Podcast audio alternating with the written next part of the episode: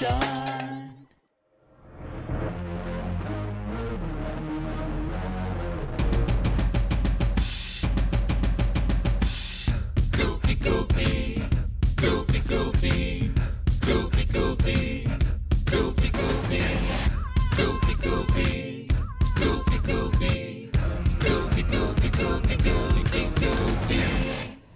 Welkom bij alweer de 94ste episode van LGBT Plus radioshow Culti Culti. Met vandaag een poëtische audiocolumn op het scherpst van de snede over spekkoek, onzekerheid, hunkering en aanpassingsvermogen. Gert Hekma zal verder in zijn ABC van perversies de vele kanten belichten van het fenomeen exhibitionisme. En Mark Hesling zal tegen het eind een ode brengen aan een bijzondere diva die ons afgelopen week is ontvallen, Raffaella Cara. In de hoofdrol nu, lieve mensen, Annie Gerritsen. Met haar zal ik uitvoerig praten over haar leven en creativiteit, met name over het recente project Sapfo de podcast, een lesbisch liefdesverhaal voor het theater. Koffie, lekker bakje Heb je koffie. vers met een Brusselse kermis? Zo. Op de koffie bij Annie Gerritsen. Maar eigenlijk is het op de ijskoffie bij tante Annie. Nou ja, ja de, de koffie is nog koud. Dat mag gezegd worden met dit weer, denk ik. Heerlijke Ja. zelfgemaakte ijskoffie hier. Ja, goed allitererend ingeleid. Robert, proost. Proost. Ja, dat mag hè, met koude koffie. Ja. En we zitten hier lekker buiten onder jouw parasol in de tuin hier. Oud-West tegen het Rembrandtpark aan. Ja. Bloedheet is het. Stollendheden. Trek jij het nog? Ja, ik kan wel tegen het weer. Het remt mij een beetje in snelheid, dus eh, dat is eigenlijk prima. Ja. Ja. Woon je hier al lang? Ja, nu eigenlijk pas derde, nee, vierde jaar is ingegaan. En het blijft een feestje, best. Ik kende het niet eigenlijk tot 2017. Een beetje de Kinkerstraat natuurlijk ken je en een beetje ten Katenmarkt, maar verder kom je dan niet. En eh, De trut. de trut, ja precies, die afslag eh, die miste ik gelukkig niet vaak genoeg. Ik mis het, mag ik dat zeggen? Ja. Ja, Kom je oorspronkelijk uit Amsterdam? nee, eigenlijk ben ik een Zeeuwse Zeeuws meisje. ja, Zeeuws getogen, moet ik dan zeggen. En eh, daar kan je niet studeren, zeg maar, in Zeeland. Dat was altijd wel een ding van je gaat studeren en waar dan. Hè? Dus de hele middelbare school had ze zinnen gezet op Rotterdam, Maastricht of Amsterdam. En eh, nou ja, goed, ik twijfelde, dus ik ben naar Delft gegaan. Oh. TU Delft. Iets met technisch. Ja, nou ja, over techniek eh, gesproken. Dit is wel heftig hier hoor. Dat is iemand aan het klussen in huis hier. Dat breekt zo lekker de week. Ja. Sorry. Het is woensdag, dames en heren. Ja. Goed, eh, vind je het goed als ik doorpraat? Ja. Ja. Nou ja, goed, dus Zeeland, eh, Delft, dat werd hem uiteindelijk. Maar de TU vond ik te technisch. Dat heb ik toen verruild voor theater. Vond ik heel spannend, die zet natuurlijk. Want daar valt niet zoveel in te verdienen. Wordt er dan vanuit je ouderlijke core een beetje uitgelegd.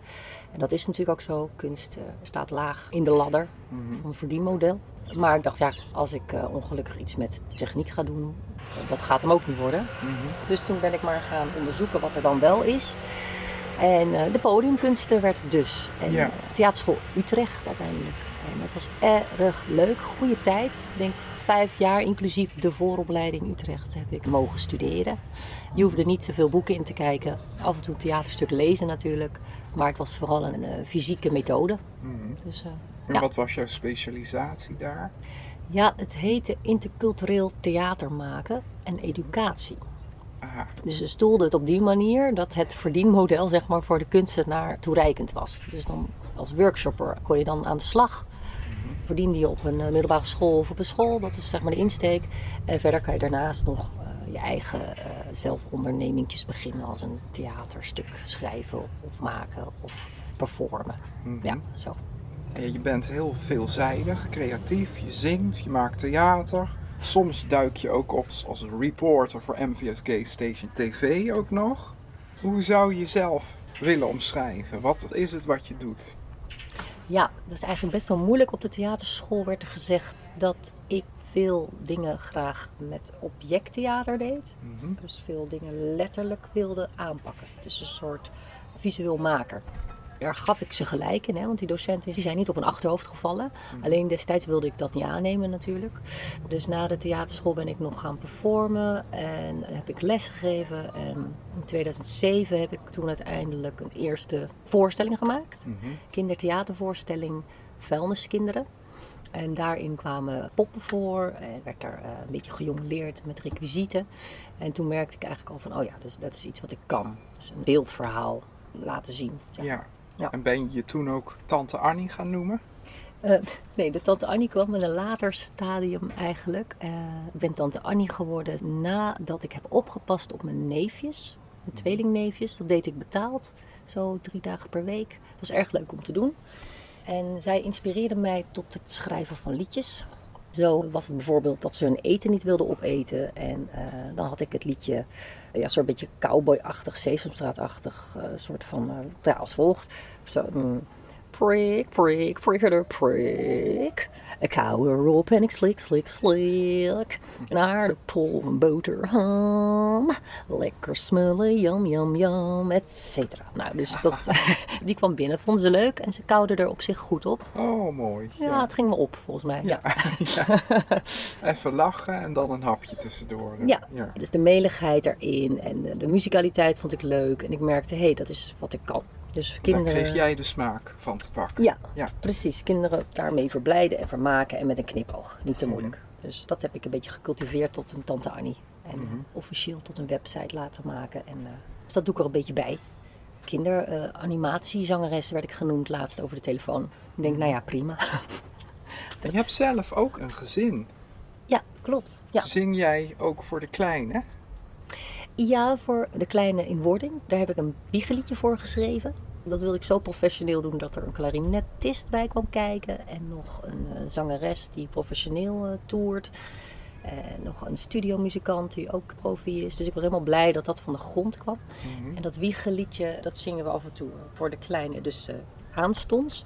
En voor mijn eerste geborene, dus eh, Buster, ja, daar zingen we natuurlijk altijd mee en samen. En eh, ja, ook hij kan het liedje Prik wel waarderen op zich. Alleen eh, soms zegt hij ook wel eens van, mam, geef nou eens gewoon antwoord en stop met zingen. dus die eerlijkheid, die- daar hou ik wel een beetje Maar van. de aankomende, ik moet zeggen, het is je nu niet aan te zien. Nee, hè, dat klopt. Ja, ik hoef deze niet te dragen. Mag ik dat zo zeggen?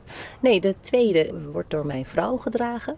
De eerste heb jij gedragen. De eerste heb ik gedragen. En dat was een soort overrompeling. Dus Anna en ik werden zwanger met een meevader eigenlijk. En eh, dat ging eigenlijk heel spontaan en leuk.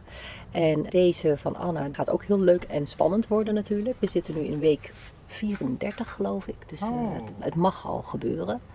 Daarom heb ik mijn telefoon ook op standby. Wordt nog een leuke uitzending zo. Die heeft het geluk om ook zwanger te mogen zijn van een, wonder. En eh, omdat je al een eerste hebt gekregen, weet je dus dat het tweede ook heel bijzonder gaat zijn. Jullie zijn Dus- dus Anna en Annie. Ja, klopt. Beide mama's. Een soort cabaretduo kun je zeggen. Ja. Wie of wat inspireert jou als theatermaker, als zangeres? Ja, dat is een interessante. Het varieert soms omdat muziek maken eigenlijk ook een beetje een aanleg is die ik heb verkregen in de jaren tachtig. Dus we gaan een beetje terug naar de tijd van eh, Whitney Houston. Mhm. Dus mijn eerste schreden richting muziek waren Whitney Houston en dankzij mijn zus ook een beetje Mariah Carey. Dus heel veel guilty pleasures op bijvoorbeeld ook Wham. Mhm. Dus, dus dat zijn mijn roots, zeg maar. Je bent zelf van de jaren 70 eh, Ja, geboren? Ja, ja. dat is een beetje de einde, niet, ja, 76, 1976. Oh, ik ook. Dus, ja. hey, Grappig. kijk, elleboogje. Elleboogje. Ja, dus je weet, die zoete jaren 80 muziek. Mhm. Of zoet niet allemaal doen, maar was natuurlijk wat heftiger of zo, kan je zeggen. Of normaal. Eh, maar eh, maar lekker toch wel... synthesizer pop. En, eh, Ja, synthesizer pop, ja. En eh, nou ja, goed, je kijkt natuurlijk een beetje af, want ik was de jongste van, eh, van het gezin. Dus je ziet dan dat een broer neigt naar Prince en een zus vindt James Brown ook wel heel stoer. Dus we zaten een beetje daar in die hoek van toch wel zwarte R&B tot pop Mhm. culture. Ja, Michael Jackson ook. Ja, Dus ja, een dikke fan, weet je wel. En jij ook, Robert, dikke fan, toch? Dus ja, ja. heerlijke muziek en gewoon goud. Dus dat waren mijn, zeg maar, mijn eerste soort van ontdekkingen. En later ben ik wat meer richting eh, klassiek gegaan en ook jazz. Dus iets meer John Coltrane en Stravinsky. Nou ja, nu noem ik twee hele grote op, maar dat is niet per se dat ik dat elke dag moet gaan luisteren, want dat is best wel zwaar ook. Dus ik luister ook naar Carmen McRae of een eh, Jacob Collier, een beetje recentere muziek ook. En, eh, Waar zing je graag mee mee? ja, goeie, met Chaka Khan. Oh, Ja, ja omdat... Ja. We hebben dezelfde smaak. We moeten daar eigenlijk nog een aparte uitzending op maken misschien. Ja, alleen maar muziek draaien, dat kan ook. ja dat kan ook, ja. Dus ja, dat is een beetje die hoek. Ja, maar Annie Lennox vind ik ook onwijs tof. En niet omdat het een naamgenoot is, maar omdat, ja, Annie, ja. die ballads, jongen, nou, die, dat is toch hartverscheurend geweldig. Net als Bonnie Raitt en zo. Nou ja, als je dan toch eh, goede muziek wil hebben, dan maakt het genre niet meer uit. Wat weinig mensen weten is dat vorig jaar, ondanks corona, toch een alternatieve Canal Pride is geweest. Dankzij jou. Kun je daar wat over vertellen? Want dat, dat, Oh. je was teleurgesteld of verdrietig. Ja, Hoe, oh, is dat gegaan toen? Ik ben enorm gaan leuren ooit met dat hele kleine kastje op een boot idee. En Utrecht Kennel Pride wilde hem niet hebben, want dat was zeg maar twee jaar daarvoor. Want die vond het niet zichtbaar genoeg. Hoe groot was het? Nou, ongeveer eh, niet hoger dan eh, dit eh, flesje Frits Brits Cola, moet ik dan even zeggen voor de kijkers thuis. Want, maar ja, dus echt 20 centimeter hoog zo'n kastje. En dat dan op een Zo- radiografisch... Zo'n klein, ja, er staat op kutdrankje. Ja, die, die zou je ook kunnen interviewen inderdaad. Ja, Wie dat gemaakt deze tante, ja, van Club Geluk. Maar, eh, Maar dat, dat is ja, 20 centimeter of zo Ja, hoog? ja, zo- zo, zo klein. Zo klein. En dat op een radiografisch bestuurbaar bootje. Gekocht bij een speelgoedwinkel. Ook voor nog geen 20 euro. Nou, stop er batterij in. Je zet het kastje erop. Dat heb ik dan een soort van eraan gefabriceerd. Met tie-wraps en gedoe. En eh, nou goed, ik ben geen theatervormgever. Dus van een afstandje zag het er goed uit. Maar het was een beetje een buurman en buurman project. Zo voelde het een je beetje. touwtje. Beetje Ja. houtje touwtje. Toen was vorig jaar toch door stom toeval een soort van gelukje van ja, het is nu of nooit. Want er is een freaking stomme pandemie bezig waar niemand zin in heeft. Het gevoel van het nadert, gay pride nadert, maar hij komt niet. Dat was natuurlijk best wel een eh, Nou vervelend gevoel. de onzichtbaarheid, terwijl zichtbaarheid juist zo belangrijk is met Pride. Dat, Ja. dat vond ik heel hartverscheurend eigenlijk. Dat dat Ja. een soort klap in de gezicht was van alle vooruitgang. En, en dat het ja, het mocht niet. Ja, en eigenlijk dus gedwongen, we moeten weer terug in de kast. Zo voelt het letterlijk. En daarop paste dit gegeven, wat een beetje melig, een ludiek oogpunt was ontstaan, werd toen opeens ernst of zo. En toen dacht ik, ja, nu of nooit. En dankzij MVS heb ik dus ook de contacten kunnen krijgen om eh, daarmee aan de slag te gaan. En hebben Nienke, Chalingi en ik dat bootje gefilmd met kastje erop. En een bootje geleend van een vriendin, Marta, heel aardig. En hoppa, we gingen.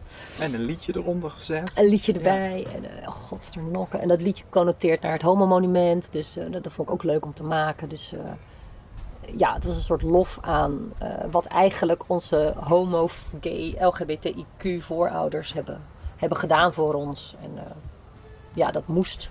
Dat moest. Ja, en, en in ieder die dat zelf wil ervaren, want je moet het echt zien eigenlijk. Het Ja. is op YouTube staat het ook. En ik Ja. geloof als je zoekt Don't Hide This Pride, Canal Pride, dan vind Oh ja. je het ook. Oké, ja, ja.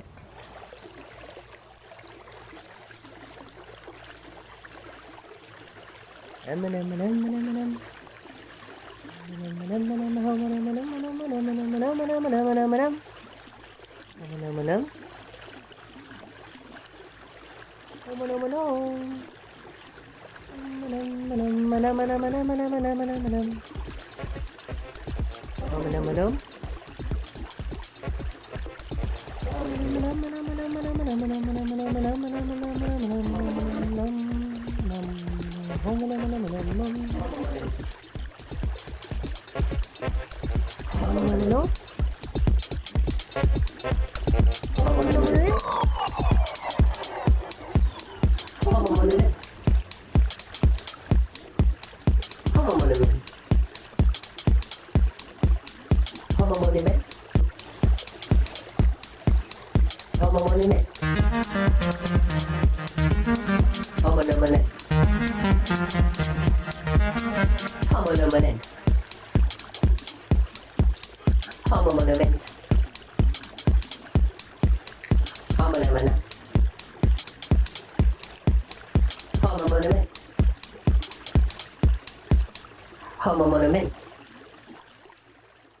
Nieuwste project Yes. is Sapfo, de podcast. En dan podcast met een T.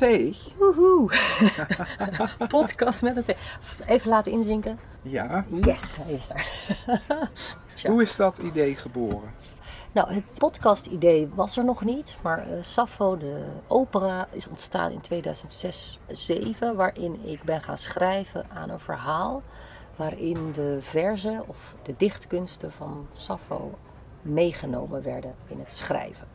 Ik wilde de verzen in het tragedie eh, gebruiken als dialoogtaal. Eh, dat zag ik als een hele leuke puzzel eigenlijk. Het verhaal stond relatief snel. Dus ik zat in het atelier daar bij de Wittenburger Dwarsstraat, geloof ik. Daar ben ik gewoon gaan tekenen en eh, het uittekenen van het verhaal in een soort diagramstijl, in rijen en kolommen. En heb ik alle versen, het zijn niet zo'n 500 tekstfragmenten, bij elkaar gepuzzeld. Oké, wat past bij het verhaallijn? Oh, dat lijkt me helskarwei. Dat Ja. te schuiven en oh, Ja. dit zou wel passen bij... Klopt, klopt. En eh, weggooien is Ja. zo moeilijk, want ze schrijft zo eh, bijzonder. Eh, wat, wat zij heeft opgepend, dat zijn gewoon versen die nu relatief actueel zijn. Hè? Dus het gaat over de universele behoeften die in theater altijd heel goed gaan. Zoals de dood, het leven, de liefde, honger, goden. Weet je die, van die grote Universele, universele thema's. thema's. Ja, en, en daar vond ik het heel moeilijk om in, in dingen weg te laten. Ik dacht, ja, alles moet erin. Kun je, kun je even vertellen, wie was Sapfo ook alweer? Ja, nou ja, Sappho wordt gezien als de eerste Europese dichter van Europa. En ze bestond zo'n 600 jaar voor Christus. En eh, zij was destijds al dus een soort van bekende Griekse, een BG'er moet je dan zeggen. ja. ja. En, eh, Ze had geen Instagram of zo. Nee, ze had ze net was wel een influencer, toch? Ja. Ze dreef af en toe een bootje zo van de kade af. Dat kwam dan ergens. Nou ja, goed. Een wijze, kundige, talige vrouw kennelijk. Zij schreef heel lyrisch voor haar tijd ook al. En zij woonde op Lesbos. Daar had ze een commune vrouwen om zich heen verzameld. Dat waren een soort leerlingen. Waarvan de namen, dat ken ik niet zo uit mijn hoofd. Eentje heet Attis en nog eentje heet Hero, geloof ik. Goed, nog een hele sloot aan vrouwen. Ik weet niet of het allemaal leerlingen waren of ook maîtresses. Maar goed, dat weten we dus niet. Dat laten we in het midden. En eh, nou ja, goed, zij... eh, Ze zij- kon het daar in ieder geval heel goed mee vinden. ja, ze kon het er heel goed mee vinden. En eh, ik denk wel dat zeg maar, op haar eigen leven, wat er over bekend is, wellicht ook een toneelstuk zou kunnen bestaan. Zo bijzonder was haar leven, weet je wel. Zo- Zo'n commune en god, ja, gaat maar aanstaan op dat Lesbos. En dan heb je al, al- elk eiland had zijn taak, geloof ik, weet je wel. En eh, Sparta had je natuurlijk ook nog, eh, en, eh, en Kreta. Nou ja, goed. Dus ik zie Maar daar gewoon... Aan Lesbos hangt het eh, begrip lesbisch eigenlijk. Ja, Was dat ook zo geweest zonder Sapfo, denk jij? Goeie vraag. Ik weet wel dat er op Lesbos veel vrouwen huisden.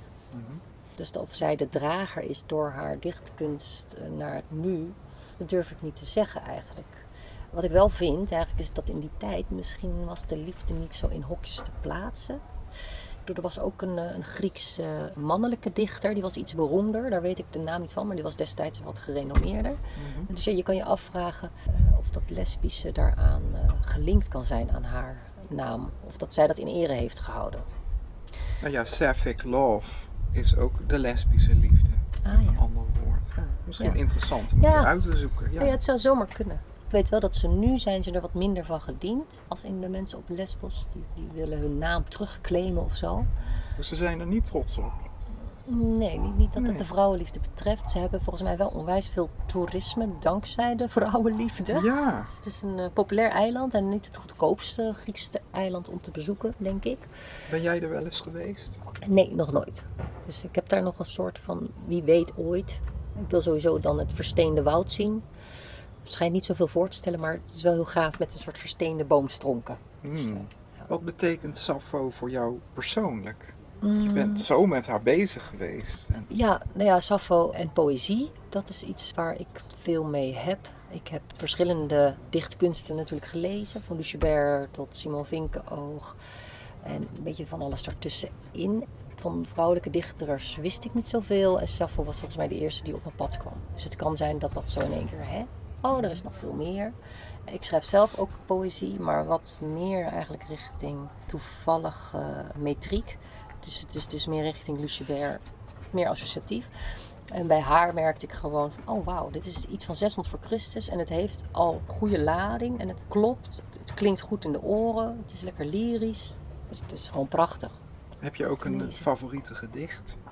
Ja, daarmee verklap ik misschien een beetje de premisse, maar eh, eh, ja, liefde de edelste vrucht van hemel en aarde. Liefde veroorzaakt pijn en vertelt sprookjes. En volgens mij is dat zeg maar een strofe uit een gedicht. Moet ik er even bij zeggen trouwens, Sappho haar gedichten zijn niet compleet teruggevonden. Dus Dus het dat zijn is- steeds fragmenten. Ja, het zijn 500 dichtfragmenten die niet compleet zijn. En dat heeft mij volgens mij toen ook doen besluiten van... hé, hey, dat kan niet. Iets wat niet compleet is, wil ik heel maken. Zo, dat is een Ah, beetje mijn aard. Dus dat ja. heb ik toen zo bedacht in de vorm van een toneelstuk. En eh, ja, ik heb nog wel best wel wat tekstfragmenten eruit eh, moeten laten. Mm. Uiteindelijk ook echt van die pareltjes. Dat je denkt, wauw, het klinkt heel goed. Het ja, past net. het, ja, het haalt hem net niet. Ja. Kill Your Darlings. Kill the Darlings, ja.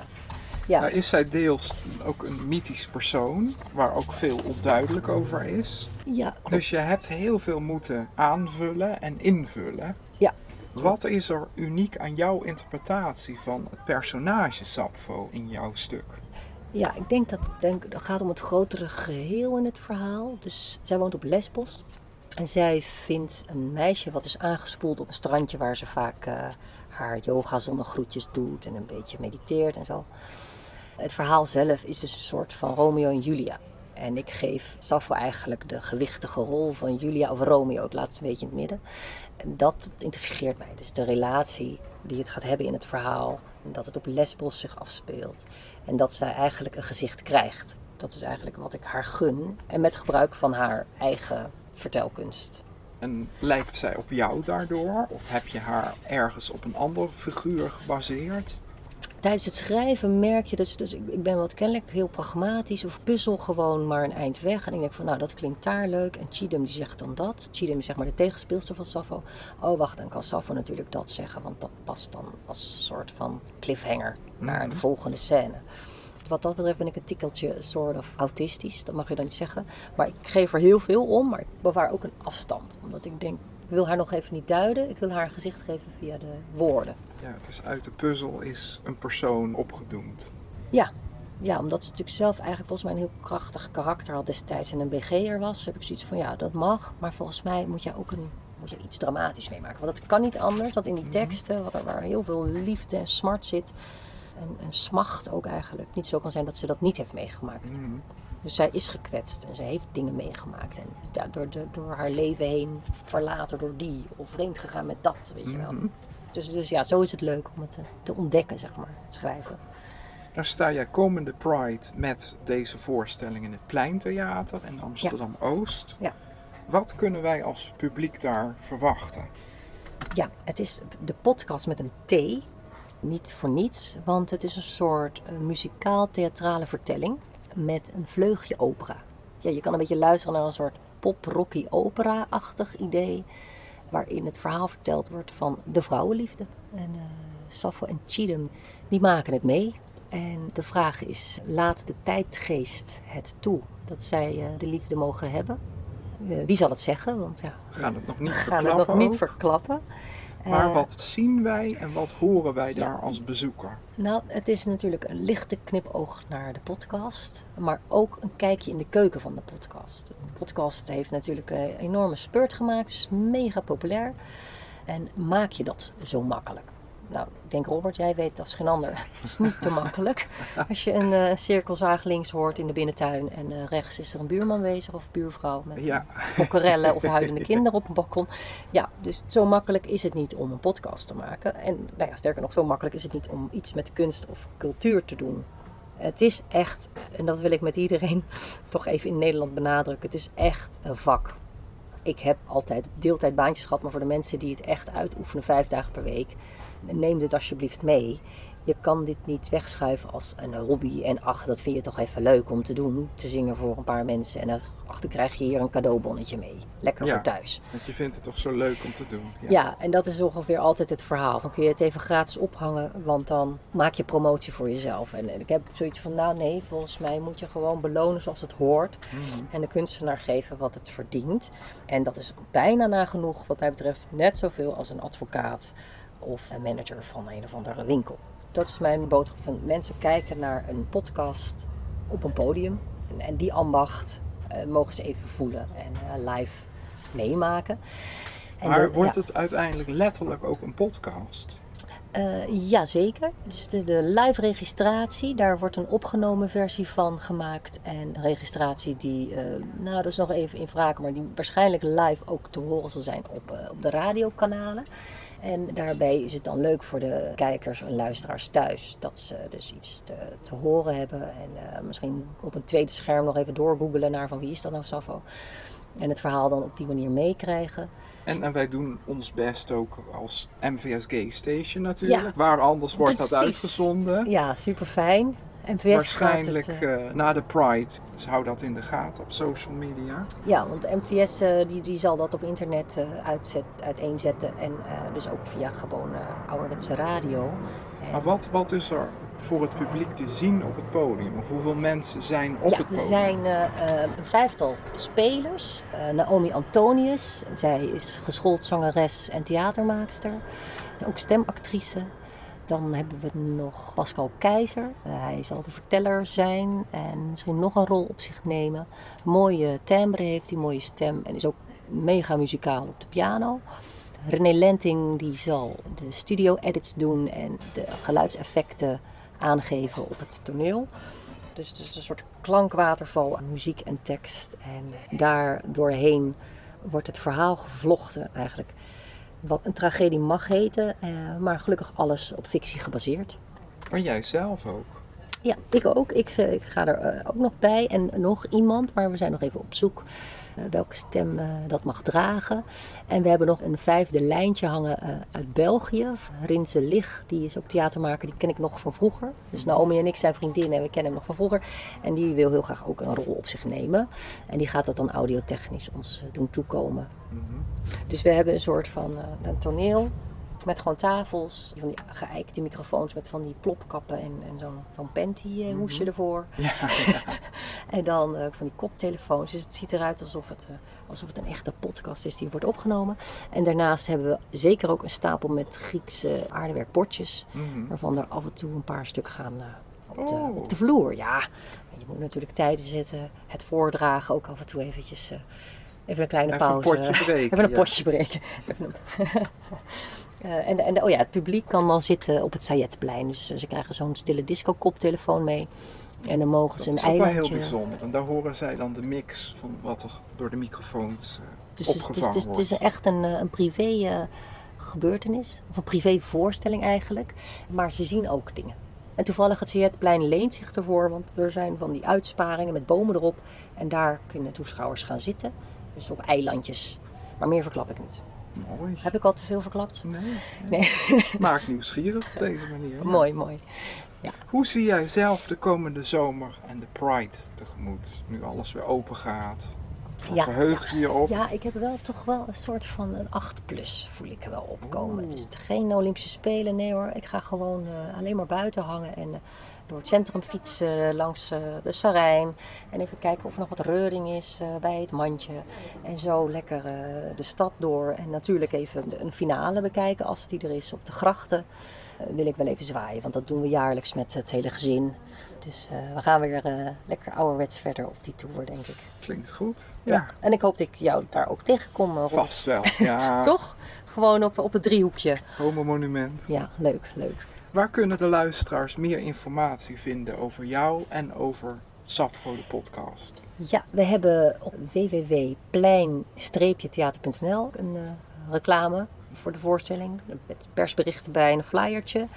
De data zijn? De data zijn van 31 juli tot en met 5 augustus. Check ook de uitagenda. Ik denk dat de Pride heeft daar ook een, eh, een agenda van. En de Pride Amsterdam site zelf. Verder eh, mijn eigen website anniegerritsen.nl.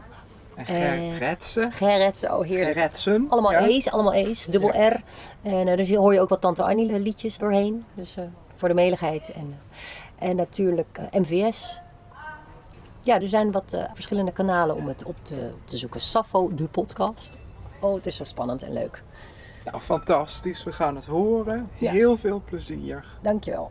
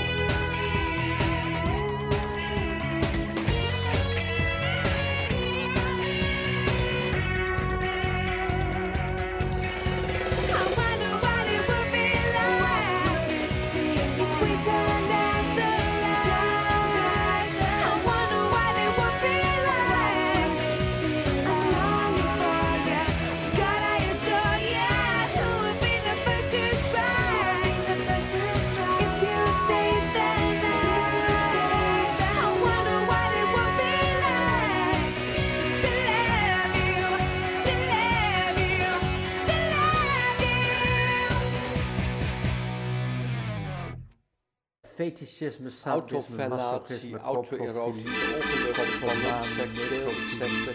onderdanigheid, kinderdienst, pedofilie, dominantie, donkerkamer, willen, doorraadslagen, rovenseks, puurseks, dokterseks,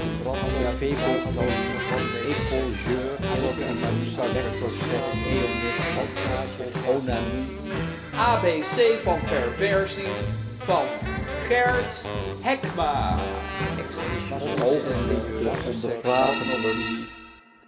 En de perversie van deze maand is exhibitionisme. In het boek Pronken met jezelf uit 1993 staan interviews van auteur Ben van Weelde met exhibitionisten. Een eeuw lang zijn de mannen die onverwacht hun geslachtsdeel tevoorschijn haalden voor vrouwen en meisjes die dat niet verwachten, gedemoniseerd. Opgepakt door de politie, opgesloten in psychiatrische inrichtingen, waar ze vrijwel nooit genazen van hun voorkeuren. Het gaat om de klassieke potloodventers die op algemene afkeuring konden rekenen. Onder het exhibitionisme vallen echter ook andere vormen. Sommige vrouwen dansen graag naakt voor het publiek. Anderen vinden het lekker om in een raam op de walletjes te zitten. Een man wilde dat ook, in zijn kleinst mogelijke slipje. Het mocht niet van de politie, maar uiteindelijk kreeg hij gelijk. Want waarom zou een man er niet zo bij mogen zitten en een vrouw wel? Een travestiet tilt zijn jurk op aan de rand van de snelweg waar hij niemand kwaad doet en zelf ook geen kwaad berokkent. Een klassieke potloodventer combineert zijn seksuele obsessie met het gevoel dat hij in alle plaatsen met een treinstation zijn pronkjuweel moet tonen. Ten tijde van het interview had hij Nederland bijna gedaan en moest hij naar de buurlanden uitwijken. Een vrouw gaat s'avonds naast vrachtwagens op de snelweg rijden, tilt haar rok op en legt haar opening met het dashboardlampje bij. Het gaat haar om het tonen, ze stopt nu op de volgende parkeerplaats voor het vervolg. Haar seksuele opwinding zit in het pronken, niet in het doen. Voor exhibitionisten waren er speciale avonden bij de Nederlandse Vereniging voor Seksuele Hervorming. Die in Utrecht was de leukste volgens Van Weelden. Een vrouw die er eens met haar pronkende man heen ging, knapte er erg van op. Ze begreep haar man beter en ontmoette aardige nieuwe vrienden. Homomannen die van pronken houden, vinden meestal voldoening op de gebruikelijke cruiseplaatsen die ze opvrolijken met hun uitdagende aanwezigheid. Het is begonnen in de kinderwagen. Daar voelde ik mij altijd bloot. Hoe ik dat weet, dat moet u mij niet vragen. Maar ik voel dat ik daar toen al van genoot.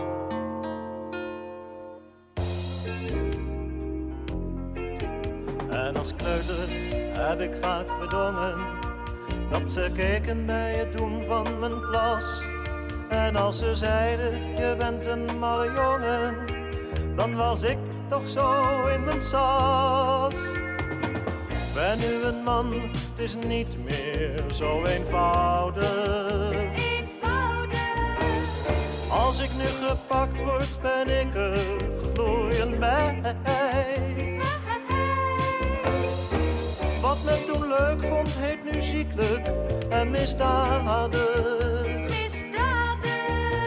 Mijn leven is niet langer vrij en blij. Ik zal u vertellen, als u het nog niet wist. Ik ben zo'n vreselijke, ongeneeslijke exhibitionist.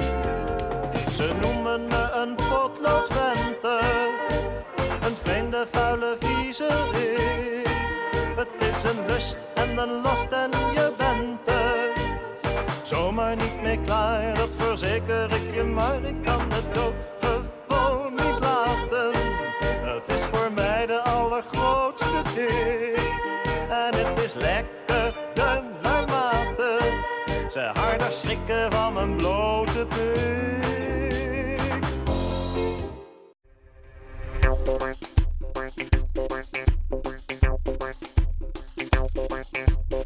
Moedig voorwaarts. De beslommeringen van Robert Leijs. Nederland is red velvet cake. Code rood vermomd als zoethoudertje. We worden honing om de mond gesmeerd, terwijl de kat al op het spek is gebonden. De feesten vangen aan, of toch weer niet. Ik ben bepaald geen spekkoper, hoogstens iemand die wat spekkoek heeft weten te bemachtigen. Pandan, dat dan nog wel. Mijn gedachten zijn gelaagd, gestreept als deze koek, grijze banen doorspekt met gifgeel. Ik ben zo flexibel, doch voel me inwendig uiteengedreven tot flauwe flinters hoop en wanhoop. Sociaal-mediaal vallen mij nog steeds verzoeken tot wulpse vriendschap toe. Zij luisteren naar de meest fascinerende namen. Tanja Bouwman-Rijman, Wiepke Hetz-Helmoet, Inga Reichen-Friedel, Amalia Posse-Kreuzberg, Birgit Tournau-Hesse, Rolanda Roodman-Heislag, Nicole Kepler-Jonas. En ik ben nog niet eens hetero. Ik koester de complimenten van vreemdelingen in een dating-app en van een jonge zwerver op straat. Hoewel steriel zijn ze allesbehalve futiel, maar geen spek voor de bek. Mijn intiemste vriendschappen hebben zich weliswaar verdiept, maar even zozeer in schoonheid als in lelijkheid, in mezelf en in de ander. Er staat ons ongetwijfeld een opleving te wachten, van liefde en warmte en of ziekte en dood. Ik zou me willen verheugen als ik zou durven. Moedig voorwaarts.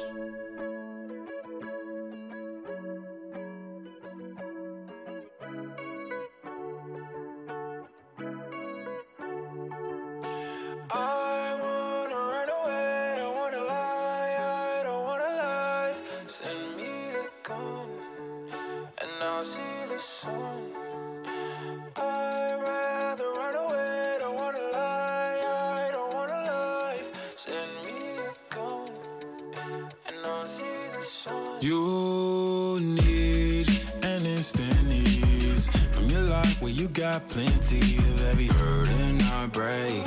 You just take it all to the face. I know that you want to cry, but it's much more to life than dying over your past mistakes and people who do dirt on your name.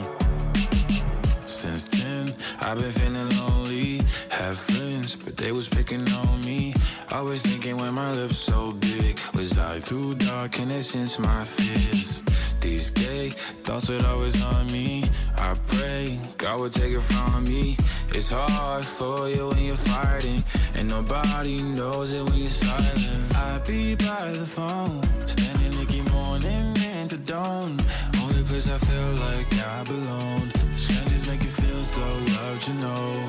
And I'm happy by the way that I made that jump, that leap of faith. I'm happy that it all worked out for me. So proud of me. Oh.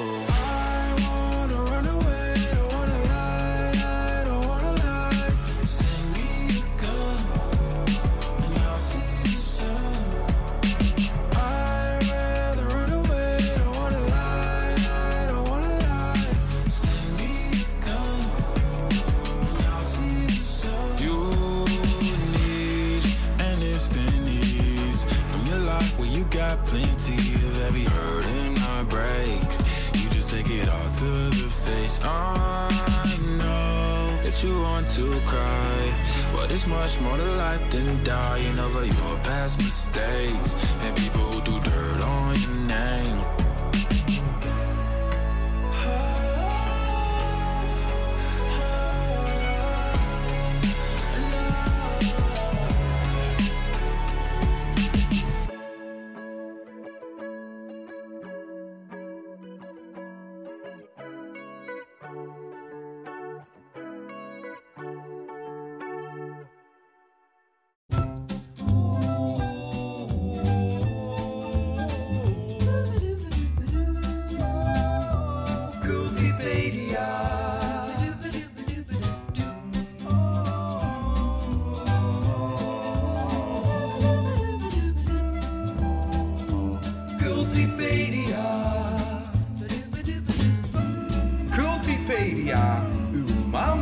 Gids voor cult, camp, kitsch en curiosa met Mark Hesseling.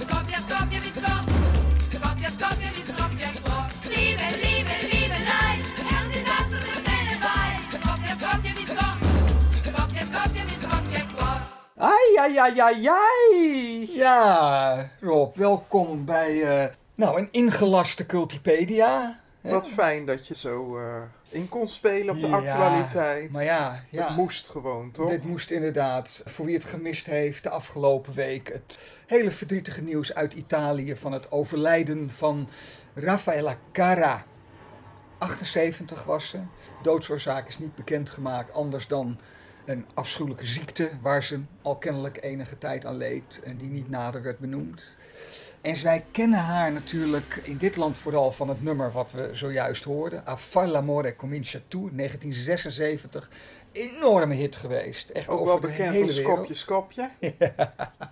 ja, dat stukje, dat kent iedereen. Geweldige hit en, en groot succes. En een evergreen krijg je vandaag de dag nog steeds alle dansvloeren mee vol. Ja, feest.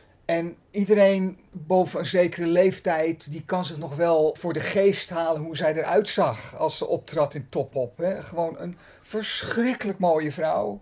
Met een prachtig figuur. Altijd in die hele spannende, strakke jumpsuits met wijpijpen. Een heel spannend gezicht. Hè. Zo loenste een beetje. Zwarte koologen. En natuurlijk dat bomvrije kapsel. Hè. Dat halflange geblondeerde haar. Waar ze altijd heel woest bij stond te zwaaien. Sowieso had ze geweldige energie. Ze kon geweldig dansen, geweldig zingen. Omdat heel veel mensen alleen dit nummer van haar kennen, wordt er ook wel eens over haar gesproken als een soort one-hit wonder. En daar doe je haar echt verschrikkelijk tekort mee. Zij was in haar geboorteland Italië, maar ook in Spanje, waar ze heel populair was, echt een van de allergrootste tv-persoonlijkheden, showbiz-persoonlijkheden. Haar carrière heeft op de kop af 70 jaar geduurd. Joh, 70 jaar. Ja, zij is begonnen als actrice en zij speelde in 1952 als achtjarig meisje al haar eerste filmrol. En de jaren 50 en 60 had ze een eh, behoorlijke acteercarrière die zich zelfs uitstrekte tot Hollywood. 1965 heeft ze zelfs naast Frank Sinatra in een Amerikaanse film gestaan, Von Ryan's Express. Alleen in Italië, daar kwam ze nooit helemaal uit de schaduw van de grote kanonnen als Sofia Loren en Claudia Cardinale. En daarom heeft ze in 1970 de overstap gemaakt naar de muziek en naar de televisie. In de muziek was ze heel actief. Zij heeft ongelooflijk veel platen gemaakt. Er waren echt jaren bij dat ze twee LP's uitbracht. Ze kon geweldig goed zingen, ze kon geweldig goed dansen. En ze deed van alles. Als je haar eerste LP hoort uit 1970, dan valt aan de ene kant op dat die bijzondere energie die ze had en die eigen uitbundige stijl van haar zit daar al helemaal in. Maar op haar eerste platen zong ze bijvoorbeeld ook nog in het Engels en zong ze nummers van Burt Bacharach. Oh. Ja, die moeten we toch ook eens een keertje voorbij laten komen in Cultipedia. Ja. Ik laat even een heel klein stukje horen, gewoon voor de leuk.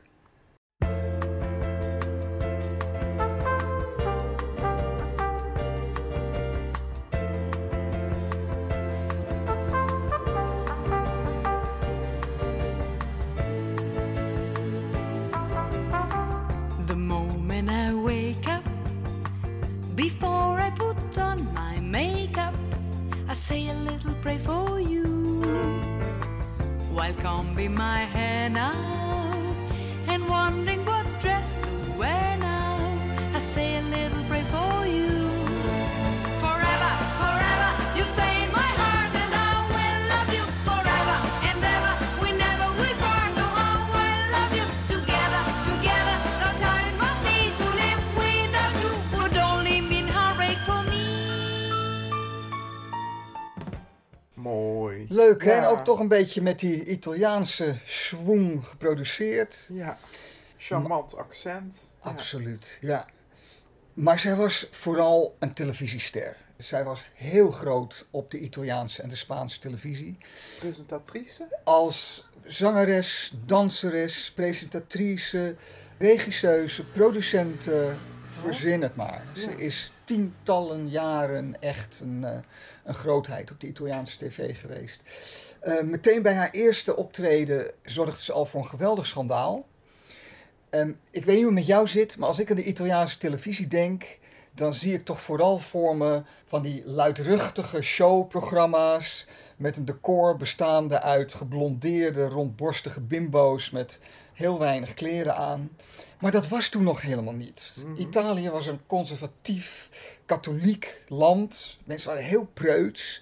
Het was meer de jaren tachtig dat dat misschien begon. Nou, ik denk dat het door Raffaella Carra is gekomen. Want Oh. zij stond op een gegeven moment bij een van haar eerste televisieoptredens daar in een heel spannend gesneden pakje waar haar navel zichtbaar was. Oeh. Oh jee. Ja. En in de jaren daarna waren er regelmatig problemen vanwege hele suggestieve choreografieën, die dan ook bij het Vaticaan helemaal niet lekker vielen. Maar eigenlijk was zij gewoon de oermoeder van al die bimbo's op de Italiaanse televisie. Maar zij was zelf helemaal geen bimbo, hè? Ik wou net zeggen. Zij ja. was heel erg. Ik eh, kijk daarvan op. Together. Zij, in alle programma's die zij presenteerde, daar had zij echt de leiding, daar had zij het voor het zeggen. En zij was stijlvol. En zij was geweldig stijlvol. Buitengewoon grappig is ook dat in haar dansnummers ze zich ook nooit door die bimbo's liet begeleiden, maar altijd door een stel himbo's. Oh. Haar showballetten bestonden altijd uit net zo geblondeerde en net zulke sexy mannen. Stevast gehuld in lila en roze strakke pakjes. De homoseksualiteit droopt er gewoon vanaf. Ga maar zoeken op YouTube. Het is allemaal Ja. te vinden. Het is vreselijk leuk om te zien. Maar ja, daar komen we natuurlijk aan een belangrijk punt. Zij was het homo-icoon van Italië. En een van de grote homo-iconen van de wereld. Zeg ik niet alleen, het werd officieel bevestigd. Op de World Gay Pride in Madrid in 2017 heeft zij officieel een prijs gekregen als een van de grootste homo-iconen Mm. van de wereld. En, dit jaar misschien een paar minuten stilte voor haar. Eh, absoluut. Zij heeft zich ook altijd heel erg bekommerd om de LHBT-gemeenschap. Ze was een vaste waarde op gay prides in Italië. En eh, ja, mooie vrouw, prachtige vrouw. En wat zo leuk is, ze heeft zoveel gemaakt. En ik ben een beetje afgelopen week gaan zoeken, gaan spitten. En dan kom je zulke prachtige dingen tegen. En ik wil eruit gaan met een waanzinnig lekkere disco-stamper. Het is in Mm. Italië een grote hit geweest, nog voor Affa l'amore comincia tu. Hier, ik had het nog nooit gehoord en het is geweldig. Nou, dankjewel.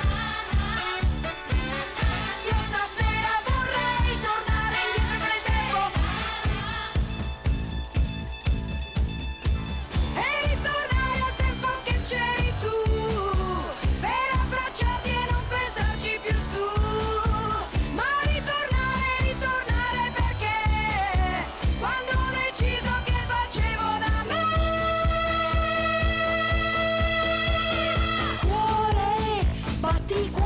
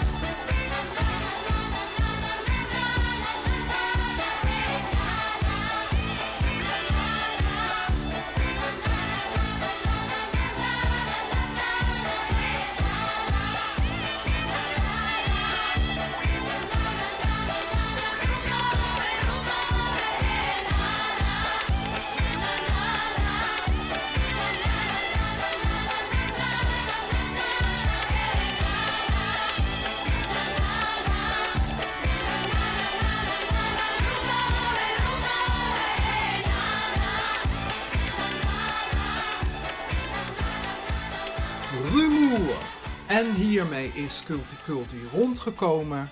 Ik ben Robert Weijers en dank hierbij van harte Annie Gerritsen, Nienke Chalingi, Melanie C., Gert Hekma, freesound.org, Volkert Spitsbergen, Bert Boelaars, Lil Nas X, Mark Hesselink, Rafaela Cara en Lydia Til. Meer Culti Culti, waaronder alle eerdere uitzendingen met zoekfunctie op gasten, onderwerpen en perversies, is te vinden op culticulti.nl, culti met de K van koptelefoon disco. Ik wens iedereen alvast een zalige zomer en een prachtige Pride in wat voor vorm ook. Tot augustus. Culti culti, culti culti, culti culti, culti culti, culti culti, culti culti, culti. Dit was NVS Radio. Voor meer informatie en media ga naar www.nvs.nl. NVS Gay Station.